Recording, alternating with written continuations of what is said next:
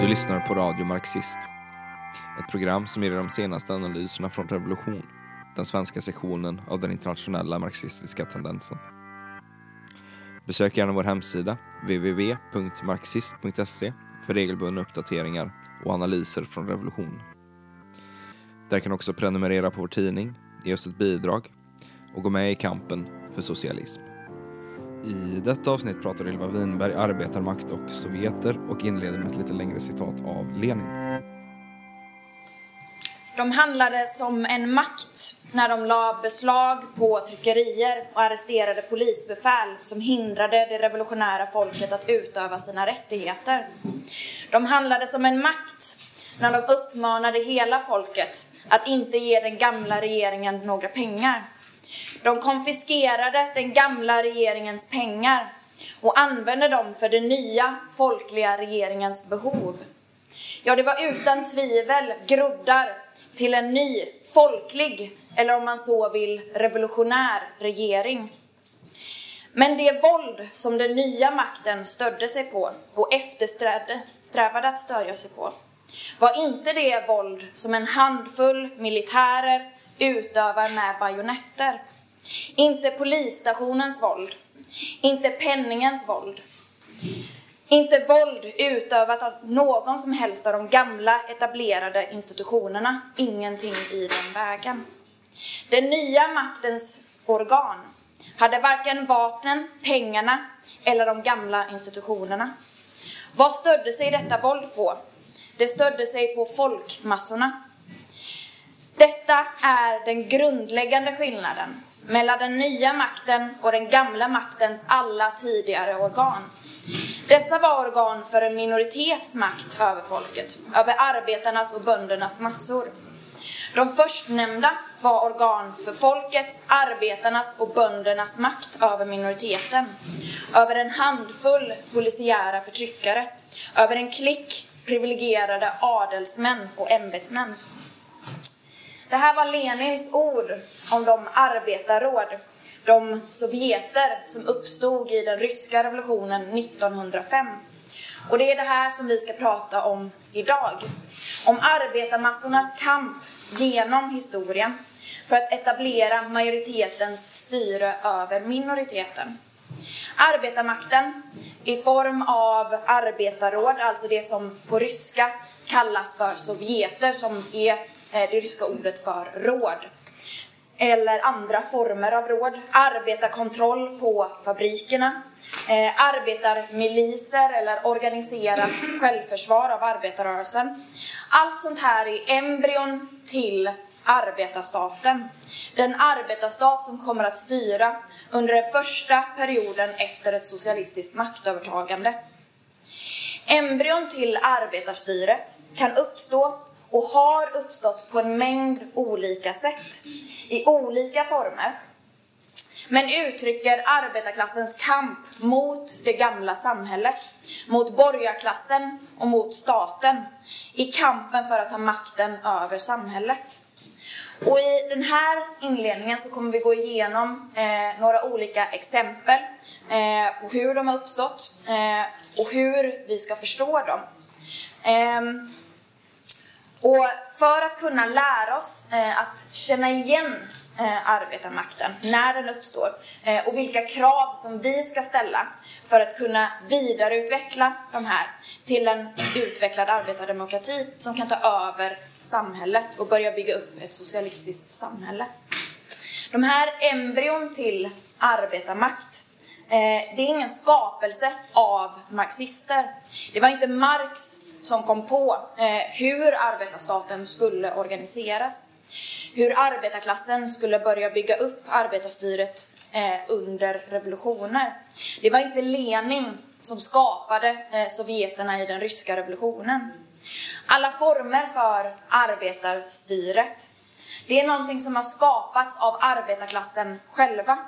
Någon form av arbetarråd eller embryon till arbetarråd har uppstått i varje revolution. Just för att de är det naturliga uttrycket för hur arbetarklassen måste organisera sig för att bryta borgarklassen och den borgerliga statens våld och makt.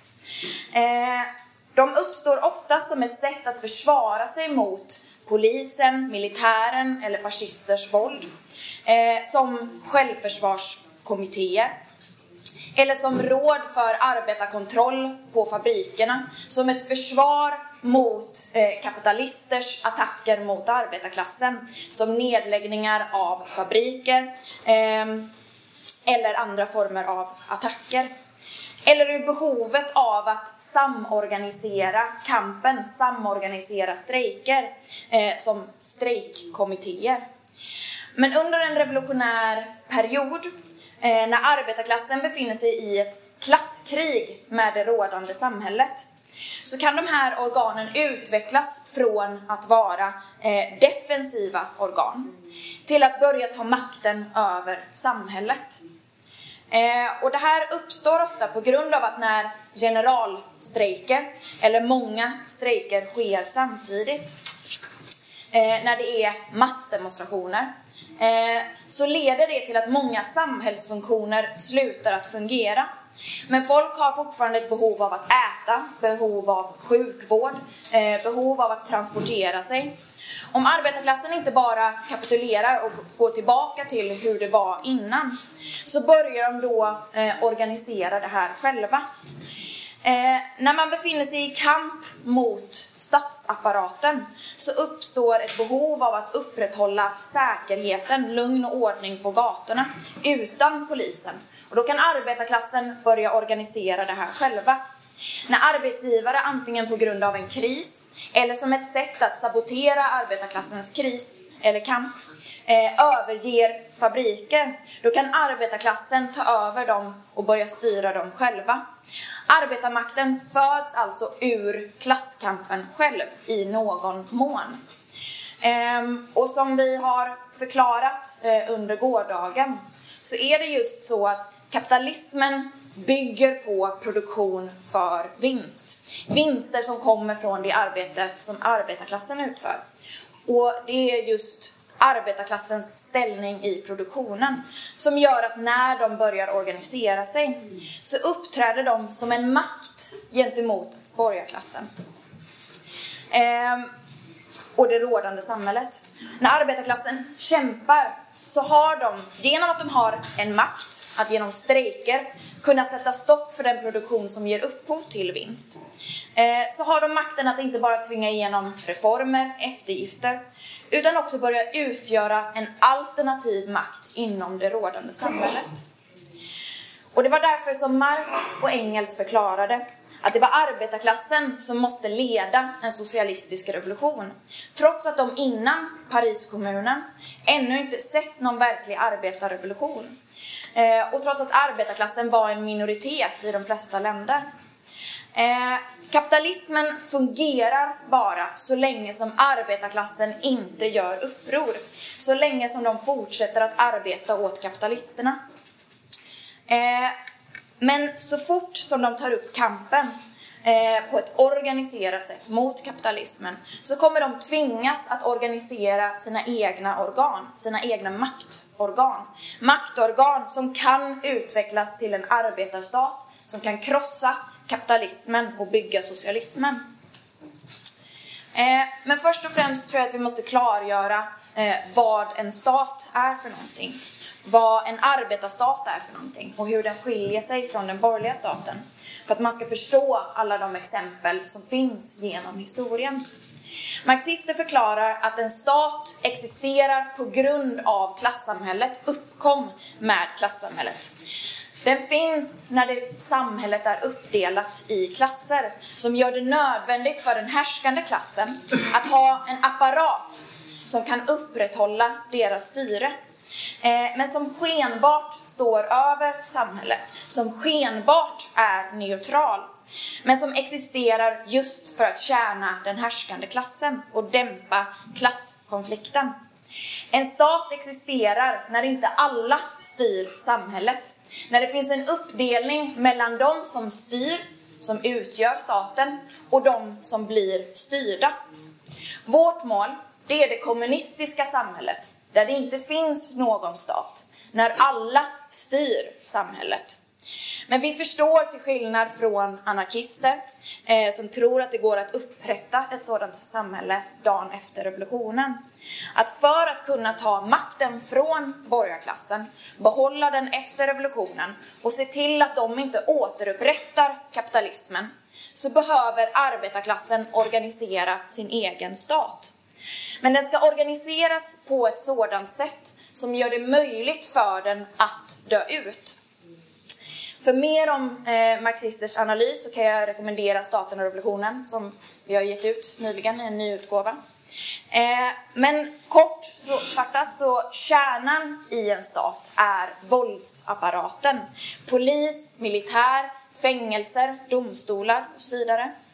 Eh, men för att kunna organisera ett klassamhälle så behövs också en styrelseapparat. Byråkratin, politiker, tjänstemän, parlamenten och så vidare.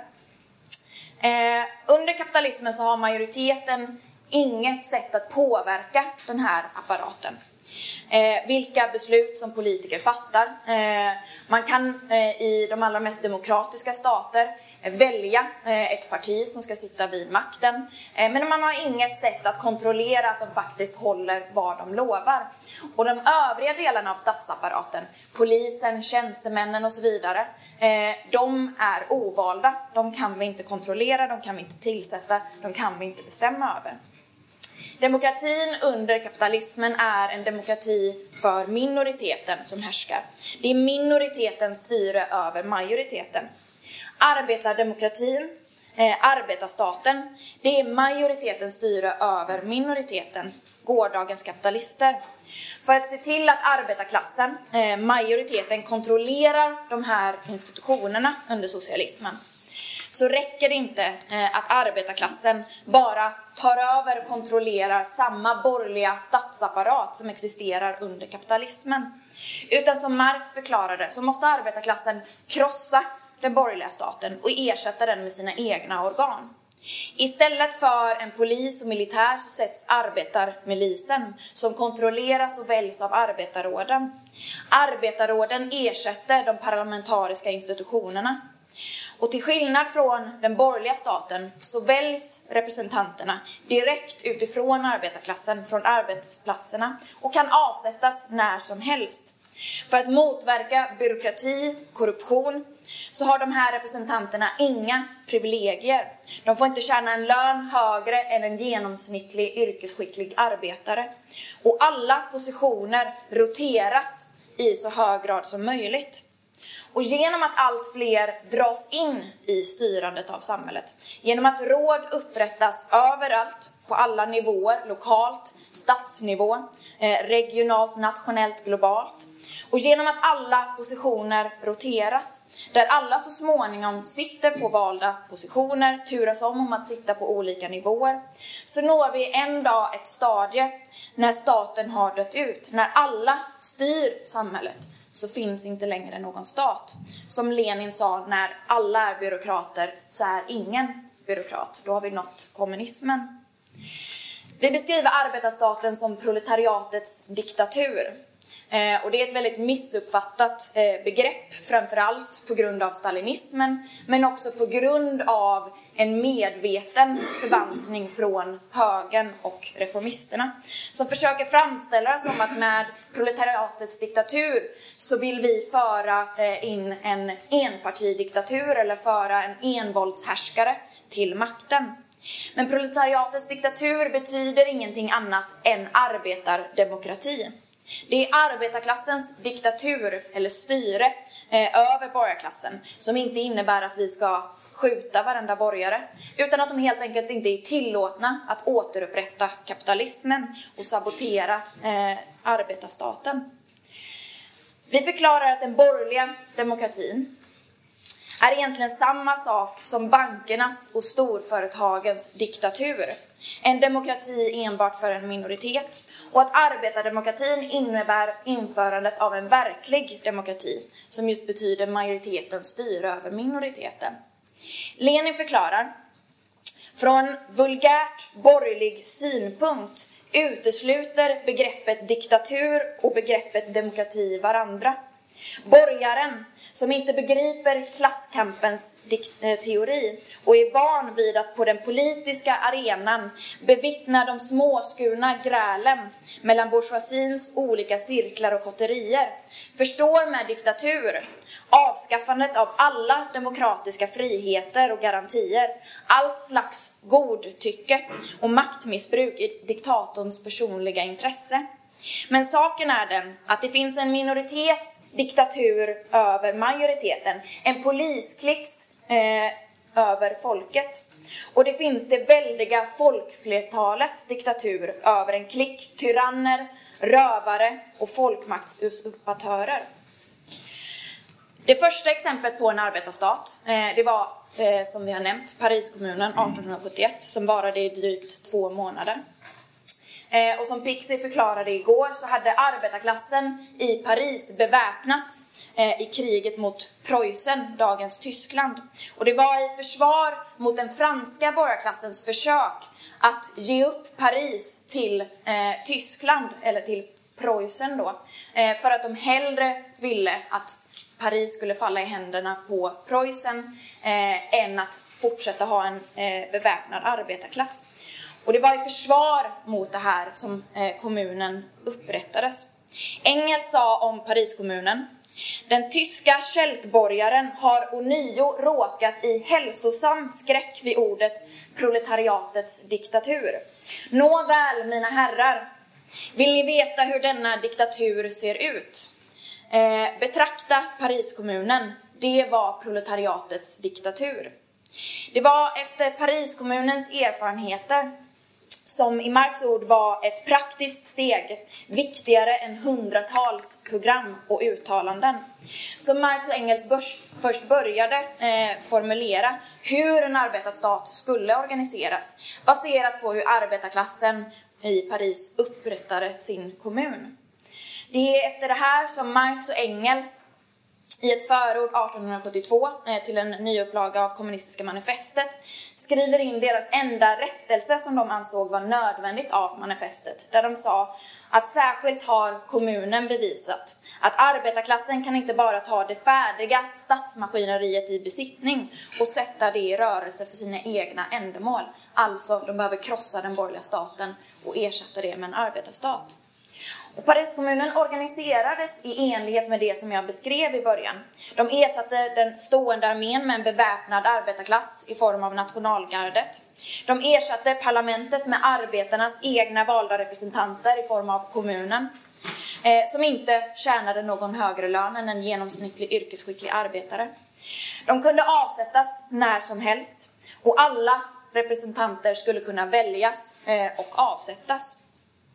Men de begick också en del eh, misstag som blev deras fall. De nationaliserade inte Nationalbanken, som satt på 250 miljoner francs, som hade kunnat eh, användas eh, för att bekämpa hungern och för att börja avskaffa kapitalismen. Ehm, och jag hör ibland det påstås av vänsteraktivister att nationaliseringar är inte en nödvändig del för att upprätta socialism eh, som är en väldigt märklig tanke. För grundbulten i en socialistisk ekonomi är just en nationaliserad, planerad ekonomi under arbetarkontroll. Om man inte tar den ekonomiska makten från den härskande klassen så ligger den kvar i dess händer. Eh, ett annat avgörande misstag var att de lät den härskande klassen och dess politiska representanter fly till Versailles eh, och att man inte marscherade mot Versailles för att krossa kontrarevolutionen utan lät dem omgruppera sig där eh, för att sedan kunna eh, förbereda ett angrepp mot Pariskommunen. Som de sen gjorde där de slaktade eh, Parisarbetarna som hämnd för att de hade vågat ta makten. En arbetarstat, vilket vi kan se i Paris, eh, men också senare i Sovjet, kan inte existera som en isolerad ö. Bara i en stad eller ens i ett land. När väl arbetarna tar makten måste de sprida revolutionen över hela världen och avskaffa kapitalismen internationellt för att kunna hålla sig kvar vid makten. Pariskommunen hade påbörjat en plan för hur resten av Frankrike också skulle organiseras i enlighet med Pariskommunen. Varenda stad, varenda by skulle organiseras i enlighet med Pariskommunens typ och skicka representanter till ett nationellt råd. Men eftersom de aldrig attackerade eh, Versailles och utplånade hotet från kontrarevolutionen så kunde istället kontrarevolutionen eh, utplåna kommunen. Det andra exemplet på arbetarråd eh, är de sovjeter som uppstod i den ryska revolutionen 1905. De här utvecklades ur strejkkommittéer som till en början hade som uppgift att eh, leda och samorganisera generalstrejker, eh, samordna kampen mellan olika delar av arbetarklassen. Men som under revolutionen, när de befann sig i direkt kamp eh, med borgarklassen och med statsapparaten, med hela det gamla samhället, så kom de allt mer att uppträda som maktorgan som tog makten över olika delar av samhället och tvingade igenom olika reformer. Den första eh, Sovjeten som uppstod var i textilstaden Ivanovo-Voznesensk eh, där det bröt ut en generalstrejk den 12 maj 1905. Och den 13 maj så samlades 30 000 arbetare vid ett strejkmöte som valde 110 delegater, eh, alltså representanter, som fick i uppgift att förhandla om strejken med myndigheter och kapitalister. Det här var Sovjeten, som inte enbart kom att begränsa sig till att förhandla eh, om strejken, utan tvärtom så kom de i princip att ta makten över staden. Ingenting trycktes utan Sovjetens godkännande. De utnyttjade alla stadens lokaler som de ville utan någons godkännande förutom Sovjeten självt. Ingen fick gå till jobbet eh, utan Sovjetens godkännande. Sovjeten organiserade skyddstjänst för fabrikerna och statens tillgångar.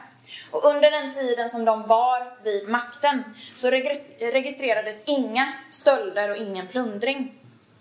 Man organiserade kommissioner för stöd till arbetslösa.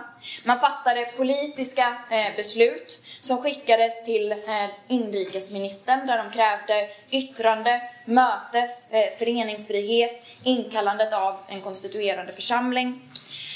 Ehm, men den mest eh, utvecklade Sovjeten eh, var den i huvudstaden Sankt Petersburg som Trotskij kom att bli ordförande för efter att den första ordföranden hade arresterats. Den bildades den 13 oktober 1905. Men redan innan dess hade olika former av organ redan uppstått på fabriker och verkstäder. På det mötet så antog man ett manifest Eh, med underskriften Sovjeten av deputerade från fabrikerna och verkstäderna i Petersburg. Och det här manifestet sa det är oacceptabelt att strejkerna sporadiskt blossar upp och slocknar. Därför har vi beslutat att samla ledningen för rörelsen i händerna på en gemensam arbetarkommitté. Vi föreslår att varje fabrik väljer en deputerad per 500 arbetare. De deputerade i varje fabrik och verkstad utgör fabriks och verkstadskommittén. Församlingen av alla deputerade från alla fabriker och verkstäder utgör Petersburg allmänna arbetarkommitté. Vid mitten av eh, november så var antalet deputerade i eh, Sovjeten 562. Totalt så representerades 147 fabriker, 34 verkstäder och 16 fackföreningar. Sammanlagt så företrädde de minst 250 000 arbetare, alltså den överväldigande majoriteten av eh, arbetarklassen i Sankt Petersburg. Utöver eh, arbetare, fackföreningarna, så representerades även tjänstemän och eh, arbetarpartierna. Socialdemokraterna med dess vänsterfraktion, eh, bolsjevikerna och högerfraktionen mensjevikerna. Eh, men också det socialistrevolutionära eh, partiet. Sovjeten valde också en exekutivkommitté på 50 personer. 28 från fabrikerna och verkstäderna, 13 från fackföreningarna och 9 från partierna. Sovjetens politiska program var inspirerat av socialdemokratin. Dess krav var störtandet av självhärskardömet, en konstituerande församling, eh, en demokratisk republik och åtta timmars arbetsdag. Sovjeten ledde tre eh, strejker, generalstrejkerna i oktober och november eh, samt post och telegrafstrejken. Den utgav en halv miljon eh, upprop. Eh, införde på revolutionär väg åtta timmars arbetsdag eh, på arbetsplatserna. Den proklamerade press och mötesfrihet eh, och förverkligade den eh, genom att konfiskera tryckerier och offentliga lokaler och organiserade hjälp till arbetslösa. Den uppmanade arbetarna att eh, beväpna sig och efter det så organiserades väpnade grupper på fabrikerna. Sovjeten eh, skaffade också egna vapen eh, och vaktade tryckeriet av sin egen tidning Izvestia och alla Sovjetens möten. Det var den verkliga makten i staden när den existerade. Bondedelegationer skickade representanter, eh, även en del soldater skickade eh, detsamma. Alla arbetare som hamnade eh, i problem kom till Sovjeten för att få hjälp. Även staten tvingades att respektera Sovjeten. Om polisen arresterade någon medlem i Sovjeten eh, så släpptes de direkt efter att de hade visat ID-handling. Eh, järnvägarna och telegraferna stod under Sovjetens kontroll. Den uppträdde i själva verket som en regeringsmakt. Och det här kan syn, eh, ses väldigt tydligt i ett uttalande från Novoje Vremja, jordägarnas och eh, byråkratins tidning, där de skrev i Petersburg har vi nu två regeringar. Eh, en som är försedd med vidsträckta befogenheter, men som saknar inflytande. Det är Wittes regering. En annan som inte har några befogenheter, men som alla lyder. Arbetardeputerades Sovjet. Men det var inte bara i huvudstaden och Ivanovno-Vozjnesjensk eh, eh, som det bildades sovjeter. Den bildades i eh, hela eh, Tsarryssland. Den 22 november så bildades eh, Sovjeten i eh, Moskva som bestod av 200 deputerade som representerade mer än 100 000 arbetare. De bildade också en soldatsovjet. Eh, mellan maj eh, och eh, oktober 1905, eh, så förutom de här tre städerna, så bildades sovjeter i 28 andra städer.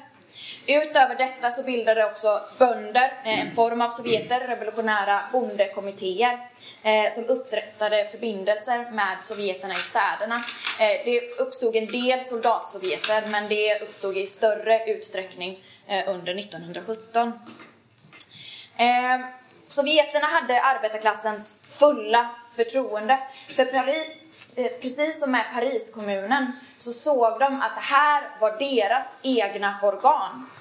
En gjutare som eh, blev vald till deputerad beskriver det här på ett väldigt fint eh, sätt. Han sa att kamrater, inte förrän nu förstår jag vilken styrka arbetarklassens enhet kan innebära. Jag har sett att vi med kollektiv handling i kampen mot våra fiender, borgarna, kan erövra alla rättigheter och friheter. Jag som redan är gammal kunde inte ens drömma eh, om att få bli vald för att försvara våra rättigheter som arbetare och få bära den ärofulla titeln som representant i arbetardeputerades Sovjet. Men jag tror inte att vi kan undvika en blodig kamp med våra förtryckare och därför begär vi era valda representanter, att ni med vapen i hand stödjer era sovjeter av arbetardeputerade. Vilken inställning hade då arbetarrörelsen till sovjeterna? Lenin, eh, ledaren för bolsjevikfraktionen i Socialdemokraterna, eh, som jag beskrev i början, såg helt riktigt detta som ett embryo till en arbetarregering, till en revolutionär regering. Eh, tyvärr så hade resten av bolsjevikerna som var på plats i Ryssland inte samma förmåga att analysera nya fenomen. På grund av att de var formade av att arbeta under underjordiska förhållanden där eh, ledarna hade en väldigt stor kontroll eh, över rörelsen som var väldigt nödvändigt i en situation när man hela tiden blev infiltrerad av statliga agenter. Eh, men det här gjorde att när revolutionen bröt ut 1905 så var bolsjevikerna väldigt oflexibla. Eh, Bolsjevikledarna i Sankt Petersburg hävdade att eftersom Sovjeten riskerade att utvecklas i en opportunistisk riktning, i en reformistisk riktning, ta dåliga politiska beslut, så ställde man ett ultimatum de krävde att Sovjeten skulle anta det socialdemokratiska programmet och annars så hotade de med att lämna Sovjeten. Eh, de krävde mer eller mindre att Sovjeten skulle ställa sig under partiets ledning och upplösa sig inom partiet. Eh, Istället för att som Lenin menade att Socialdemokraterna borde arbeta, arbeta inom Sovjeterna för att vinna ledningen för arbetarklassen genom att kämpa sida vid sida med arbetarna. Sovjeten röstade nej till det här förslaget och visserligen så lämnade inte bolsjevikerna som de hade hotat med att göra. Men det skadade ändå i viss mån deras möjlighet att rekrytera arbetare. Mensjevikerna hade inte en sån här sekteristisk eh, inställning som gjorde att de till en början kunde nå större framgång. Eh, men de skrämdes å andra sidan eh, av Sovjetens revolutionära handlingar. De såg inte sovjeterna som ett embryo till en revolutionär regering, utan som ett påtryckningsmedel mot borgarklassen och liberalerna. Som kamporgan, men som inte skulle ta makten. Eh, den ryska revolutionen 1905 eh, misslyckades som vi vet, eh, då arbetarklassen var för oerfaren, arbetarrörelsen för oförberedd. Och bönderna kom att röra sig först efter arbetarna, efter att de redan hade besegrats. Och för att få med sig bönder var nödvändigt i ett land där bönderna utgjorde den absoluta majoriteten i landet. Och för att också kunna vinna över armén på sin sida, eh, som till största del utgjordes av bönder. Nu kunde istället bönderna i form av armén vändas mot arbetarna och krossa revolutionen. Men efter den ryska revolutionen 1905 eh, så blev sovjeterna det naturliga sättet för arbetarklassen att organisera sig på. Så när revolutionen bröt ut 1917 eh, så bildades de och spreds som en löpeld över hela riket. Sovjeten i Sankt Petersburg, den allra viktigaste sovjeten, eh, som sen kom att leda maktövertagandet i oktober, bildades samma dag som den provisoriska regeringen utropades. Eh, och som vi diskuterade igår eh, så upprättades eh, vad vi kallar för en dubbelmaktssituation. Precis det som högertidningen eh, som jag citerade beskrev om 1905. Eh, men mer tillspetsat och på en högre nivå under 1917. Det fanns en regering som styrde på pappret eh, men utan någon verklig makt. Och sedan sovjeterna som inte styrde på pappret, men som utgjorde den verkliga makten. Ingenting skedde utan sovjeternas godkännande. Och när högern pratar om en kupp eh, i oktober så måste de ignorera sovjeterna eh, och hela deras existens. För de styrde redan samhället eh, när oktoberrevolutionen kom. Lenin skrev i sina brev från fjärran att vid sidan av denna regering, som ur det nuvarande eh, krigets synpunkt i verkligheten endast är en agent för miljardfirman Storbritannien och Frankrike, har en äkta eh, regering uppstått. En inofficiell, ännu outvecklad och relativt svag arbetarregering som uttrycker proletariatets och alla fattiga befolkningsskiktens intressen i stad och på land. Det är arbetardeputerades Sovjet i Petrograd. Eh, vi gick igår igenom oktoberrevolutionen så jag kommer inte gå in på revolutionen 1917 så mycket. Men en intressant episod vad gäller just sovjeterna är Lenins vändning eh, efter julidagarna. Eh, när han kom tillbaka i april så hade han lanserat parollen eh, all makt till sovjeterna. Eh, men efter julidagarna så började han tvivla på eh, om sovjeterna skulle kunna utgöra de organ som arbetarklassen skulle kunna gripa makten med. Eh, socialrevolutionärerna, hade till en början majoritet i sovjeterna. De ledde de allra flesta eh, sovjeterna. Och under en period när arbetarklassen ännu inte hunnit byta ut ledarna i sovjeterna så ansåg Lenin det vara en möjlighet att sovjeterna under ett reformistiskt ledarskap skulle kunna användas för att strypa revolutionen. Och han funderade då på om bolsjevikerna inte borde byta ut parollen all makt till sovjeterna till all makt till fabrikskommittéerna som stod närmare arbetarklassen och mer riktigt speglade deras medvetenhet. Eh, men det här kommer att ändras, eh, som vi förklarade igår. Under augusti och eh, september så skedde val i Sovjeterna där bolsjevikerna vann majoritet i Sovjet efter Sovjet. Men vad det här visar är just behovet av en dialektisk inställning istället för en formalistisk och mekanisk inställning. Lenin gjorde aldrig någon fetisch av sovjeterna. Eh, och det här är en viktig lärdom. Vi får aldrig tro att arbetarklassen måste i varje revolution organisera sig exakt i enlighet med sovjeterna i Ryssland, i, enligt någon slags kopia eller schema. Det viktiga är inte om det är stats sovjeter, stadsdelssovjeter, fabrikskommittéer eller någon annan form som till och med fackföreningar.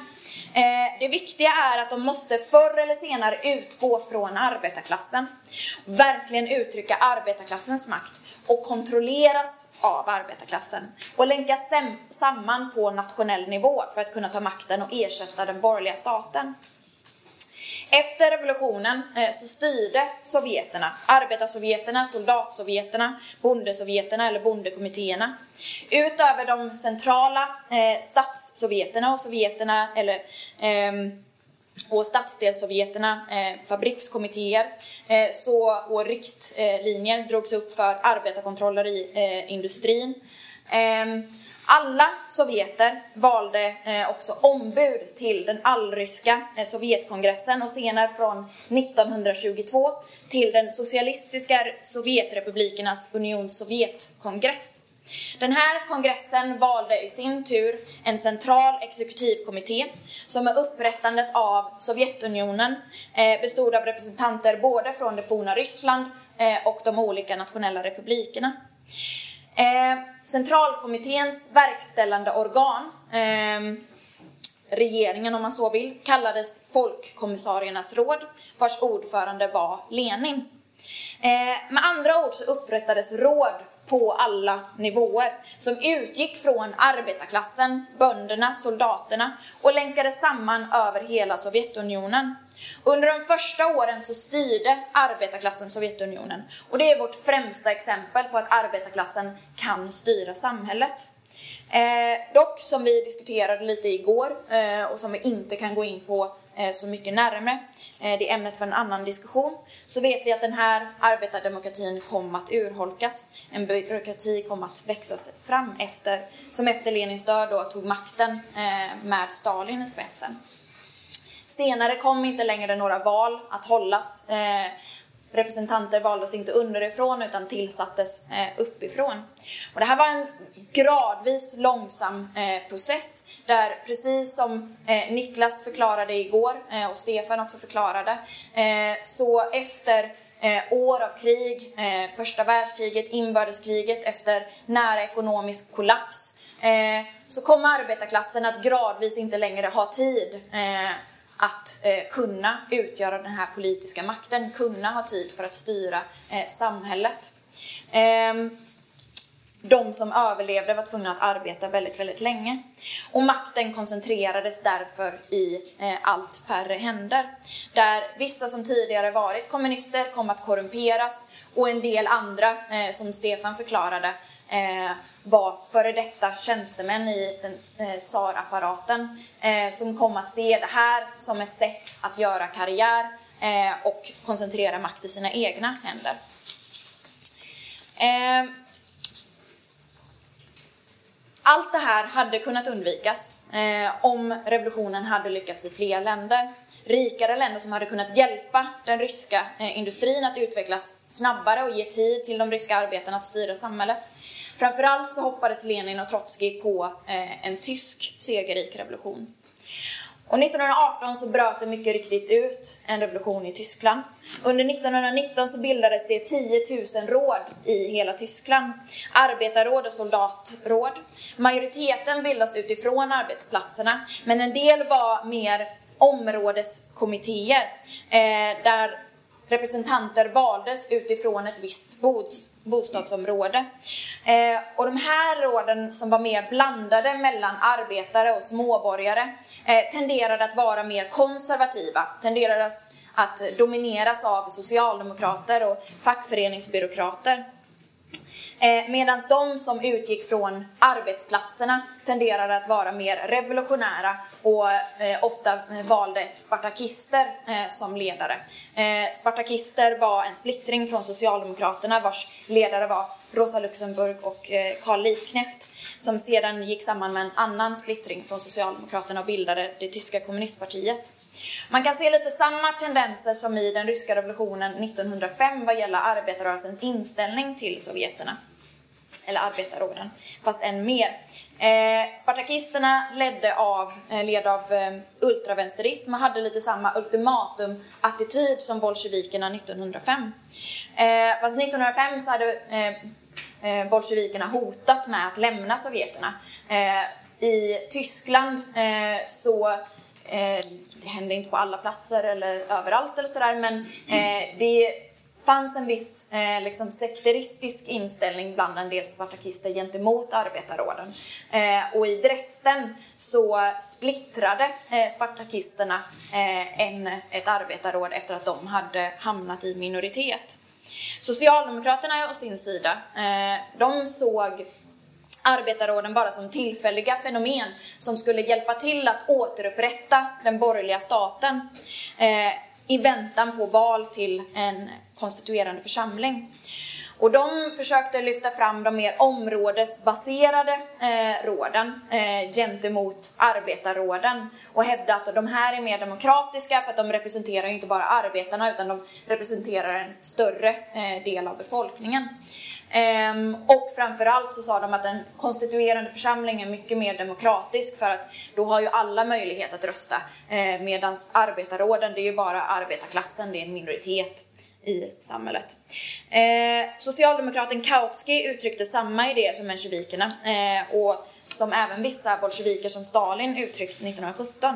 Eh, att arbetarråden kan existera samtidigt som, sida vid sida med den borgerliga staten. Ehm, det kan bli som en andra kammare till eh, det borgerliga parlamentet. Men det här är omöjligt. Det ena måste förr eller senare segra. Dubbelmakten kan inte bestå för alltid. I Ryssland vann sovjeterna. I Tyskland vann den borgerliga staten som senare beredde vägen för Hitlers maktövertagande. Den tyska revolutionen 1918 och 1923 kom att förrådas av Socialdemokraterna som organiserade mordet på Rosa Luxemburg och Karl Liebknecht. Eh, vilket gjorde eh, det kom, eh, tyska kommunistpartiet ledarlöst och alltför oskolat. De hade visserligen ändå kunnat leda den tyska revolutionen 1923 till seger, men de vacklade eh, i det avgörande eh, ögonblicket och tillfället gick förlorat. Eh, som jag nämnde i början så har någon typ av eh, råd bildats under varje revolution i olika former under olika namn. I den iranska revolutionen 1979 så kallades sovjeterna för shoras. Eh, fabrikskommittéer eh, upprättades i den italienska revolutionen 1919. Eh, tyvärr så såg vi även där en viss form av ultravänsteristisk attityd från en del Eh, kommunister som exempelvis eh, Bordiga som senare blev ordförande för det tyska kommunistpartiet eh, som sa att men det här är bara ekonomiska organ, det är inte organ för arbetarmakt, det är en form av korporativism. Och socialisterna däremot sa att men det här är bara anarkistiska organ. Ehm, på 30-talet i Spanien under den spanska revolutionen så kallades arbetarråden för juntas. Under den arabiska revolutionen 2011-2013 eh, i Egypten såg vi områdeskommittéer bildas för att upprätthålla ordningen när staten dragit sig tillbaka från områden där revolutionen var som starkast. I Venezuela, eh, under den venezuelanska revolutionen, så har arbetarkontroll eh, upprättats på fabriker där arbetare som ockuperat fabriker och tagit över dem, styrt dem själva. Men också eh, områdeskommittéer, eh, consejos comunales.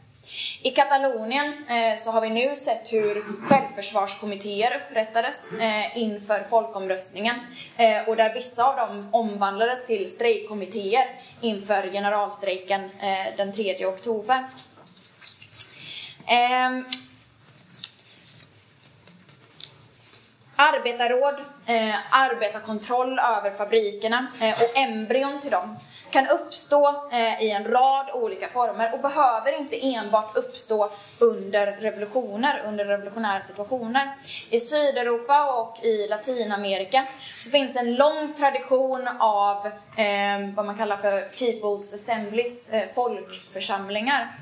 Eh, där folk samlas, inte direkt som eh, valda representanter, men man samlas på stormöten i en stad för att diskutera olika eh, politiska problem eh, i staden eller i landet och hur man kan bekämpa dem. I Neapel i eh, Italien så existerar två sådana här församlingar nu, trots att det inte är en revolutionär situation. Vad är våran attityd till sådana här församlingar? Vi har varken en ultravänsteristisk, sekteristisk inställning till dem och bojkottar dem för att de inte utgör en fullt utvecklad arbetardemokrati, att det inte är arbetarorgan eller sådär. Ehm, men vi romantiserar inte heller deras brister som anarkister och reformister tenderar att göra. Reformister, om de alls vill befatta sig med sådana här folkförsamlingar, tenderar att eh, försöka hindra dem från att utvecklas till några maktorgan. Vilja förvandla dem till enbart möten som diskuterar eh, utan att fatta beslut, utan att ta handling.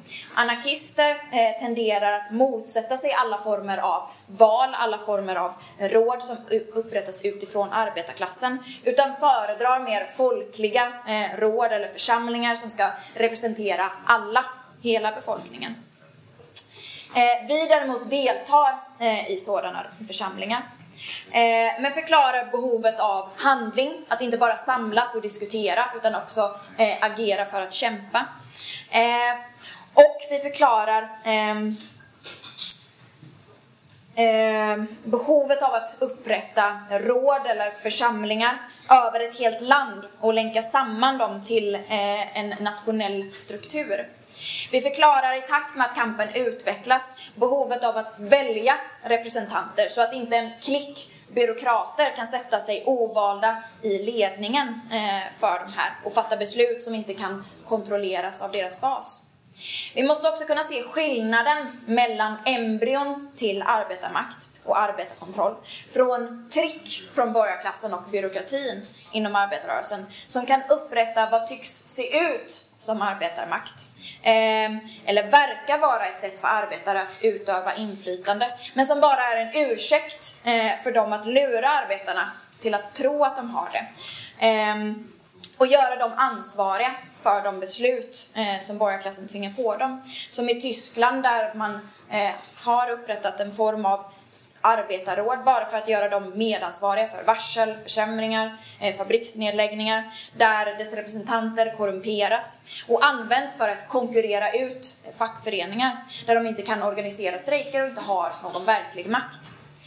Behovet av en marxistisk förståelse blir tydligt när man analyserar alla revolutioners historia och ser hur olika delar av arbetarrörelsen, från anarkister till reformister, ultravänsterister antingen bojkottat, bekämpat eller nedvärderat arbetarråd och arbetarkontroll. Eller inte förstått eh, eller inte velat förstå hur de ska utvecklas eh, och hur negativa sidor ska bekämpas. Anarkister menar att den idé som vi har med en arbetarstat enbart kan leda till diktatur. Medan deras idé om självstyrande eh, kommuner, arbetsplatser som enbart styrs av de som arbetar där, det är mer demokratiskt. I själva verket så är det precis tvärtom. Vi kan se det under inbördeskriget eh, efter den ryska revolutionen. Där i vissa fabriker där det hade upprättats arbetarkontroll så kom arbetarna att kräva att de skulle få vinsten, all vinst, från det företaget. Att de skulle kunna sätta vilka priser de ville på de varor som de skulle sälja. Eh, vi har sett samma sak i Venezuela där arbetare eh, som har tagit över vissa fabriker i vissa fall krävt att själva få äga den eh, fabriken efter att den nationaliserats från staten och i princip blir företagets chefer. Eh, liknande, inte, har inte riktigt samma ursprung kan man säga, men på ett liknande sätt så såg vi i Jugoslavien eh, 1950 eh, efter splittringen mellan Jugoslavien och Sovjetunionen så införde Tito en lag om eh, självstyrande där det på pappret skulle vara arbetarna på varje enskild fabrik som styrde den arbetsplatsen. Eh, råd upprättades men i verkligheten eh, så var det inte arbetarna som verkligen styrde de här fabrikerna eh, utan de kontrollerades av den chef eh, som styrde de här råden och de cheferna tillsattes från staten uppifrån. Ehm, men det huvudsakliga problemet det var just att arbetarna skulle styra just sin arbetsplats och inte bry sig om någon annan arbetsplats. Eh, utan de konkurrerade mot arbetarna på andra företag. Eh, utan en centraliserad ledning utan en samorganisering mellan olika arbetarråd, arbetsplatser med en vald eh, central ledning, så kommer konkurrensen mellan olika delar av befolkningen att åter ge upphov till ett klassamhälle. För arbetare som råkar ha turen att arbeta på ett större företag som är mer lönsamt med bättre maskineri kommer kunna konkurrera ut de som arbetar på ett mindre företag med mindre utvecklad teknologi. Samma gäller jorden. De som råkar bo i ett område med stora naturtillgångar och förmågan att eh, utvinna råvaror kommer kunna få en högre levnadsstandard än de som fötts på en sämre eh, jord. På det sättet kan klassamhället aldrig avskaffas. Den imperialistiska världsordningen kommer aldrig kunna brytas på det sättet. Eh, utan man måste sammanlänka alla råd, eh, välja centrala ledningar som kan se till eh, att eh, allt överskott fördelas jämlikt över hela världen. Vad gäller arbetarkontroll på fabriker så föreslår vi generellt sett att en fabrikskommitté eh, ska välja ett råd bestående av eh, en tredjedel representanter från arbetsplatsen, en tredjedel från facket och en tredjedel från staten för att garantera att det inte bara är arbetarna på den arbetsplatsen som tas i hänsyn utan arbetarklassen över hela världen som kommer konsumera deras varor. Eh, under socialismen så är det inte arbetarna på en arbetsplats eller ett företag eller den individuella arbetaren som kommer att få hela produkten av sitt arbete. De kommer inte få hela vinsten som bildas utifrån deras arbete. Utan vinsten från produktionen kommer att fördelas jämlikt och kommer användas för att investera i välfärd, infrastruktur och i produktionen. Eh, vårt mål Eh, det är att råd ska upprättas på alla nivåer i världen så att hela världen kan länkas samman och att gradvis efter en revolution så kommer hela mänskligheten dras in i beslutsfattandet tills ingen stat längre existerar. Eh, och det sista jag vill säga är att vad som krävs för att arbetarklassen ska ta makten det är inte bara existensen av någon form av råd, utan också en revolution. Till skillnad från vissa inom vänstern och arbetarrörelsen som tror att man på reformistisk väg långsamt kan ta över makten genom att kooperativ upprättas eh, eller som löntagarfonderna som föreslogs av LO och sossarna på 70-talet. Eh, som eh, ju aldrig genomfördes då, men som aldrig heller hade kunnat leda till det som det presenterades som. Att löntagare, eller arbetare, eh, skulle avstå från eh, högre löneökningar eh, för att det skulle placeras i fonder som gradvis skulle köpa upp allt fler aktier till en dag, whoops, så eh, kontrollerar arbetarklassen alla aktier av alla företag. Och borgarna skulle liksom bara inte märka att det här skedde då. Ehm, det är lite utopiskt. Eh, man kan inte långsamt ta över makten, varken genom reformer från en regering eller gradvis ta över ett bostadsområde, eh, en del av en stad, en fabrik här och där. Eh, man kan se vad som har skett med alla de kooperativ som har startats. Eh, att förr eller senare, om kapitalismen eh, består, eh, så kommer de omvandlas till vanliga kapitalistiska företag. Vi kan se det med Coop här i Sverige. Eh, enskilda arbetarstyrda fabriker eller kooperativ. Det visar att arbetarklassen kan styra sina arbetsplatser utan en chef. Men när de tvingas att existera på en kapitalistisk marknad så måste de också anpassa sig till dess lagar. Avskeda folk när företaget inte är lönsamt, sänka löner och så vidare. Trotsky förklarar om arbetarkontroll att arbetarkontroll är inte ett långvarigt, normalt förhållande som löneförhandlingar eller socialförsäkring. Kontrollen är en övergångsåtgärd under den högsta anspänningen i klasskriget och kan endast förstås som en brygga till den revolutionära nationaliseringen av industrin. Existensen av arbetarmakt är inte tillräckligt, eh, utan det krävs en revolution där arbetarklassen som helhet tar makten avskaffar kapitalismen, krossar den borgerliga apparaten eh, och upprättar en arbetarstat. Men som vi sett många gånger genom historien så är en revolution i sig inte heller nog.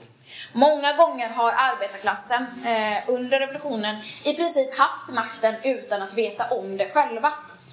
Eh, det krävs också ett revolutionärt parti som kan leda arbetarklassen till segern. Som kan förklara vilka steg som de måste ta för att erövra makten och krossa kapitalismens motstånd. De ryska arbetarna hade ett sådant parti, bolsjevikerna. Det var därför den lyckades där ingen annan gjort det. Kamrater, det är det ledarskapet som vi bygger. För att när revolutionen kommer hit och till alla andra länder i världen. När arbetarklassen organiserar arbetarråd så ska vi kunna föra dessa till makten. Eh, hur gör vi det? Det gör vi genom att vara arbetarklassens kollektiva minne. Lära oss av alla revolutioner, av alla de kreativa kamporgan som arbetarklassen skapat genom historien. Och veta hur de ska utvecklas för att kunna krossa kapitalismen och erövra världen. Tack för att du har lyssnat på Radio Marxist. Prenumerera på oss via Soundcloud, iTunes, Spotify eller där du hittar poddar. Vill du veta mer om oss i Revolution? Gå gärna in på vår hemsida www.marxist.se där du kan ta en prenumeration på vår tidning, ge oss ett bidrag eller gå med oss i kampen för socialism.